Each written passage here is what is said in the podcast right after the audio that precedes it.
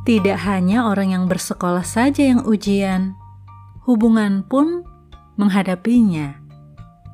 Di awal yang terasa indah, manis, dan baik-baik saja, perlu waktu dan berbagai peristiwa untuk mengujinya. Sesuatu yang murni akan bertahan, meski tantangan mencoba menggoyahkan. Sebaliknya, kepalsuan akan mudah koyak, rusak, meski baru sedikit saja ujian yang menggoncangkannya.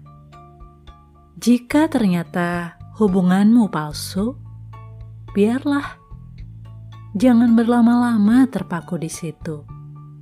Bangkit dan berjalan kembali sambil berhati-hati.